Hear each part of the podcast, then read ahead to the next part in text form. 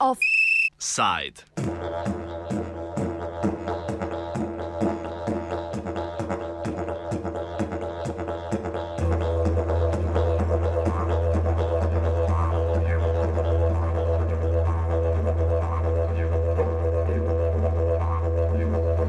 Burundi na barikadah. Oblasti v Burundiju so po včerajšnjem zasedanju zunanjih ministrov vzhodnoafriških držav aretirale opozicijskega voditelja Odifaksa Ndabitoreja. Obtožen je organiziranja upora. Na ulicah burundskih mest namreč že skoraj dva tedna potekajo protesti, ki jih je sprožila napoved trenutnega predsednika Pierre Nkurunziza, da bo na prihajajočih volitvah, ki naj bi se odvijale junija, poizkusil pridobiti še tretji mandat.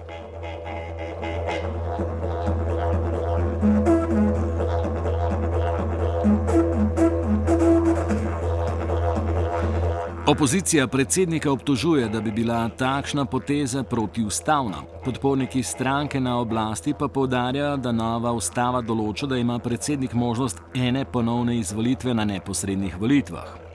Ankuruzizi pa je prvi mandat, z nastopom katerega se je zaključila 12 let trajajoča državljanska vojna, podelil parlament na neposrednih volitvah. Takšno mnenje je v torek potrdilo tudi ustavno sodišče. Splošno sprejeto mnenje je, da bo Nkurunziza na volitvah verjetno uspel.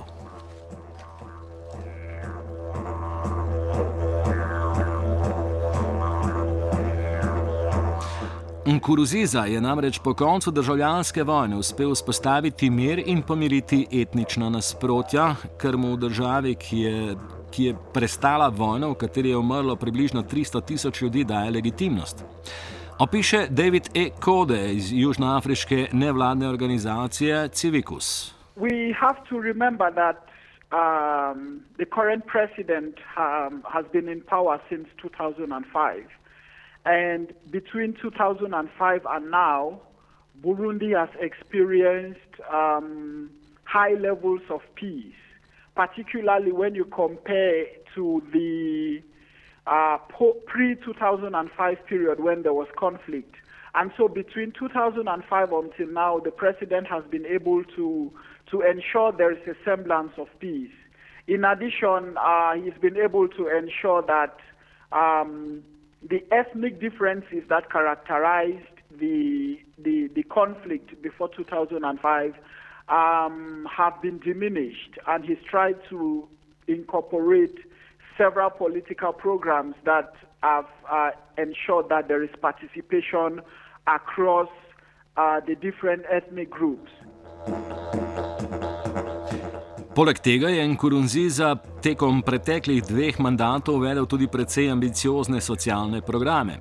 Ti vključujejo brezplačno zdravstvo in razširjen javni šolski sistem, več pove Jean-Benoit Falis, raziskovalec na Oxfordski univerzi. He developed um, with the international aid a few uh, social policies that, that were quite well um, appreciated by uh, the population. There is definitely something in healthcare. So, starting from 2006, you have um, the exemption of user fees for pregnant mothers and children below five, um, which means that these people don't have to pay to access healthcare anymore, and this made a huge difference. In addition to that, recently he introduced uh, a new health insurance card uh, the health insurance card is for people who who uh, do not have free access to healthcare, and it provides them with a discounted access to uh, healthcare services.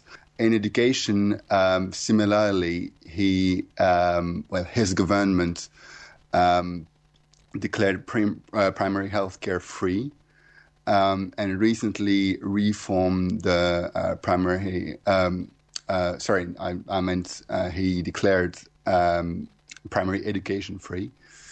Um, and recently reformed primary education to turn it into what, what is called fundamental schools, which are a bit longer and a bit more uh, vocational.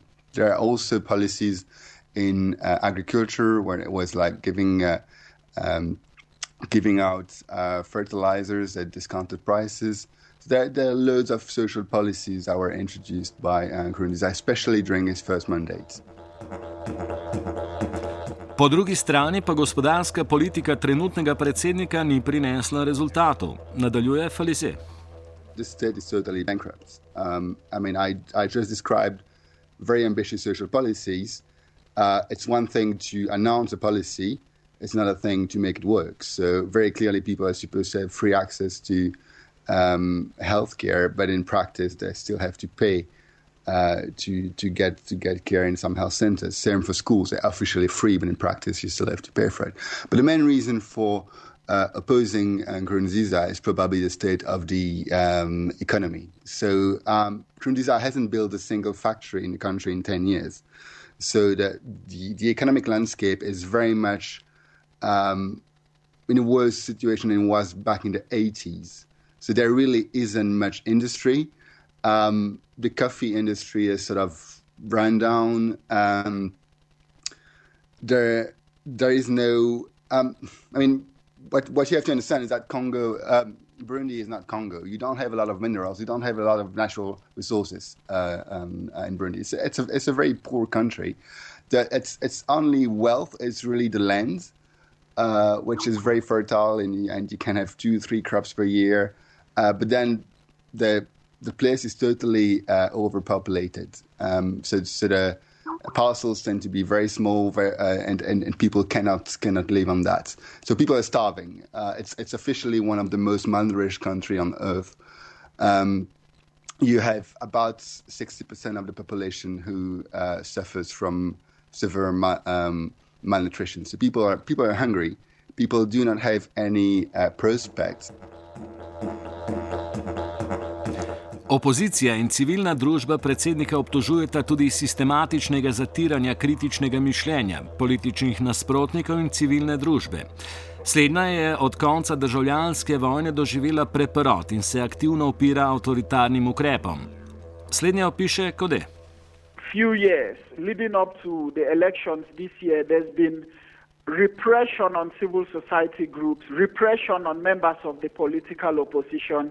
Uh, particularly the youth wing of the ruling CNDD FDD party, um, has targeted individuals, has targeted civil society representatives, has intimidated members of the political opposition. And over the last two years, prominent civil society organizations um, have been repressed and have been targeted by the state um, the Pierre Claver, who is a major human rights defender, a, a, prominent human rights defender in Burundi, has been arrested. He was released in September of last year, uh, but then he was arrested briefly again this year and released. Um, there's been attacks on the media and particularly journalists that are critical of the government. Nkurunziza je med državljansko vojno, ki je bila manifestacija etničnega spora med Hutu in Tutsi, deloval v hutujski uporniški organizaciji Nacionalni svet za obrambo demokracije. Kot smo že slišali, je kljub temu tekom preteklih dveh mandatov uspel pomiriti etnična trenja. Farizeja smo vprašali, kakšna je nasplošna vloga etnične pripadnosti v burundski družbi ter kako, če sploh je to povezano s trenutnimi protesti. I'd say that, that for me, the, the entire debate about ethnicity is a bit misplaced at the moment. I don't think, and I, I, I think most people, most people work uh, on Burundi and even Burundians would agree that the main cleavage of the Burundian society is not ethnicity anymore. The conflict you see un- unfolding at the moment is very much political.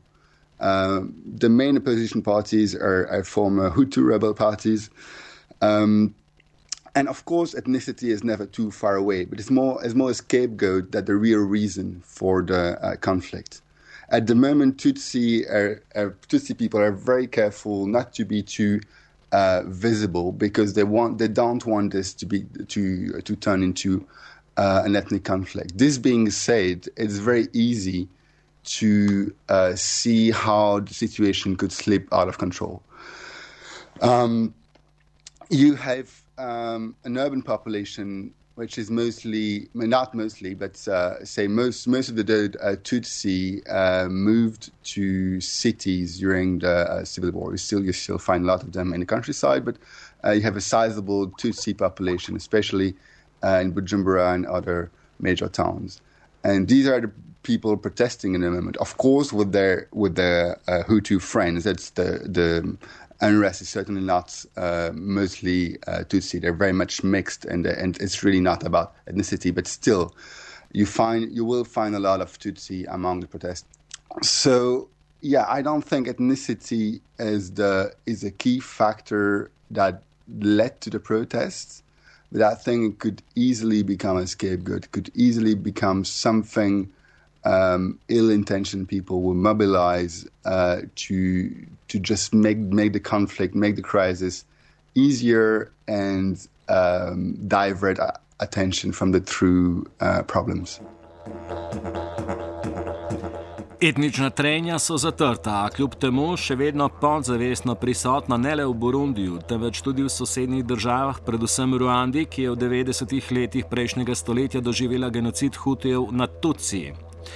Poleg tega so tudi v sosednjih državah na oblasti predsedniki, ki se moči oklepajo z vprašljivimi metodami in v kratkem pričakujejo volitve. Falize razloži, kakšni so interesi sosed v trenutni situaciji v Burundiju. I think this, this will be a de, um, defining crisis for the region. You, you've got elections, presidential elections in Rwanda, Uganda, and Congo uh, in the coming year. Um, and in all three situations, you have a president who's trying to remain in power, although the constitution doesn't say it actually um, is not allowed to uh, remain in uh, in power. So, uh, especially President Kabila of uh, of Congo must be following very closely what's happening uh, in uh, Burundi. If if the president wins in Burundi, it sends a clear signal to Kabila that it's possible for him to uh, cling to uh, power. Now, the situation of Rwanda is a little bit different. Um, Rwanda is really the uh, the powerhouse of the of the region. It's uh, it's a country that's boomed since the uh, genocide. Um, very very rapid uh, economic growth. Also, population kept under uh, control. I mean, you don't have a lot of of of, uh, of freedom. You don't have a lot of uh, human rights um, uh, in Burundi, but no, uh, in in Rwanda, sorry. But no, Rwanda is a bit scared with all the refugees going to Rwanda. Also, because you have to look back at history and look back in 93 when the civil war exploded in Burundi and a lot of uh, people fled to Rwanda, eventually some of them mingling with the génocidaires. Um, so that's that's something Rwanda definitely has uh, has in mind, and certainly wants to avoid the ethnicization of the uh, of the crisis in uh, Burundi.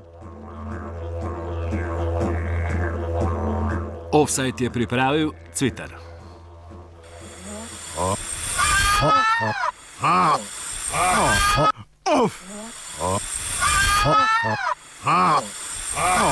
Offside.